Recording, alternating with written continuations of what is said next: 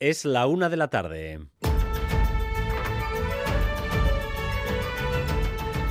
Crónica de Euskadi con Dani Álvarez. Arrachaldeón, Pello Chandiano será el candidato de Euskal Herria Bildu a las elecciones autonómicas. ¿Quién hemos decidido, como propuesta de la mesa política, que encabece nuestra candidatura al Parlamento de estos tres territorios y es Pello Chandiano Campo, nuestro director de programa. Euskal Herria Bildu lanza, por tanto, su alternativa para las elecciones de primavera. Ha sido Arnaldo Otegui, como escuchaban, el encargado de anunciar la apuesta de la formación por la renovación y la solvencia. Así lo ha argumentado Anegoñi. Sí, la mesa política por unanimidad ha elegido a Pello Chandiano, candidato al Endacari por Euskal Herria Bildu. Arnaldo Tegui, coordinador general, ha defendido el perfil de Ochandiano como un candidato serio y solvente, comprometido y con pasión y alma para abordar el cambio que necesita el país. Pello Ochandiano, ingeniero en telecomunicaciones de 40 años, natural de Ochandio, es actualmente director de programas de H. Bildu. La política vasca se dirige hacia un recambio generacional sin precedentes, con nuevos candidatos en todos los partidos con una generación por debajo de los 50 años que toma el testigo.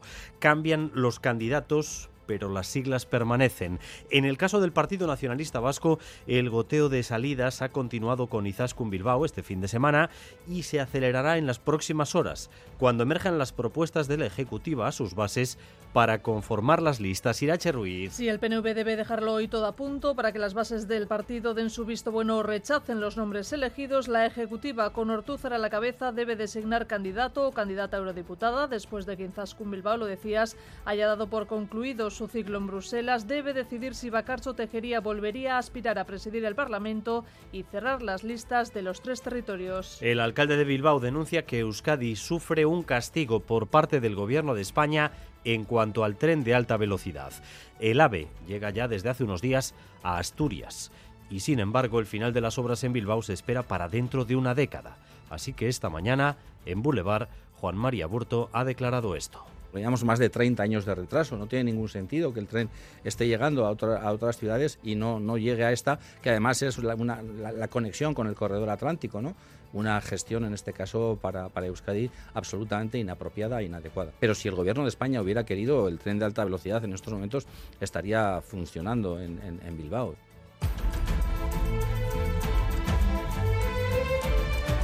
Precisamente en Bilbao, primer día con las nuevas normas de la OTA. El estreno está siendo a trompicones con algunos fallos que han ralentizado el sistema Gorka Saavedra. Rachaldeón.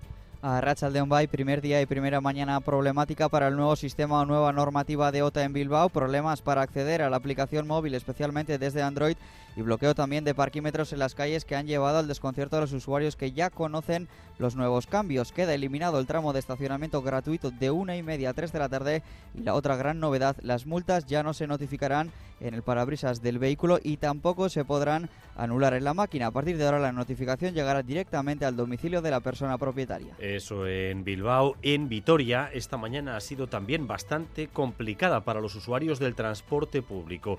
Por un lado, el servicio de tranvía ha estado suspendido más de cinco horas y por otro, había paro parcial en los autobuses de Tuvisa. Rodrigo Manero. Sí, casi cinco horas y media. Desde poco antes de las 6 de la mañana hasta las 11 no ha circulado ningún tranvía en Vitoria, en ninguna de las líneas. La primera unidad se ha enganchado con la catenaria en la calle Landaverde, justo a salir de cocheras, y todo se ha atascado hasta que ETS ha conseguido solucionarlo. Los técnicos analizan ahora las causas de esta incidencia que ha coincidido con la huelga de cuatro horas en los autobuses de Tuvisa hasta las 9 de la mañana. Entre una cosa y otra, moverse por la capital alavesa ha estado muy difícil y miles de usuarios se han visto afectados. La situación ahora ya ha vuelto a la normalidad. Durango Coazoca ha terminado, pero la feria tiene continuidad a partir de hoy con el proyecto Zunon Anda.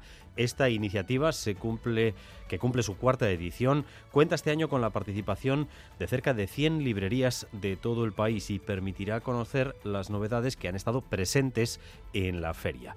Pello Urzelay, responsable de Zunon Anda, destaca que la iniciativa tiene dos objetivos claros. Batetik, hemen aurkeztutako euskal literaturan produzio oso euskal herri osora zabaltzea, eta bestetik, aitortza egitea bai liburu dendei, eta uspotzia bere lana, azken finien, euskal kulturgintza zabaltzeko, ba, ezinbesteko aktoria di, ezta.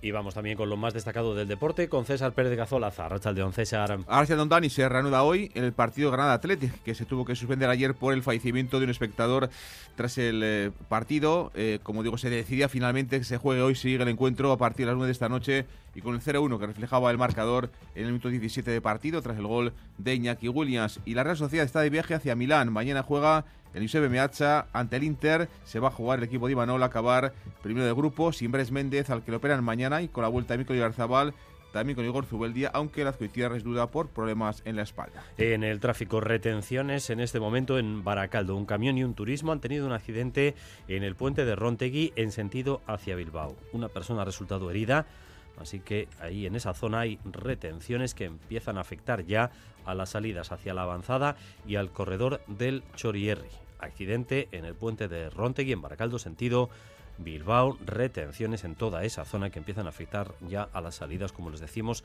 hacia la avanzada y al corredor del Chorierri. En cuanto al tiempo, ambiente templado y cielos prácticamente despejados hoy en todo el territorio. El viento del suroeste dejará rachas fuertes por la tarde, sobre todo en zonas de montaña. 20 grados de temperatura ahora mismo en Donostia o en Bilbao, 19 Bayona, 16 Vitoria-Gasteiz, 15 grados de temperatura en Iruña. Gracias un día más por elegir Radio Euskadi y Radio Vitoria para informarse.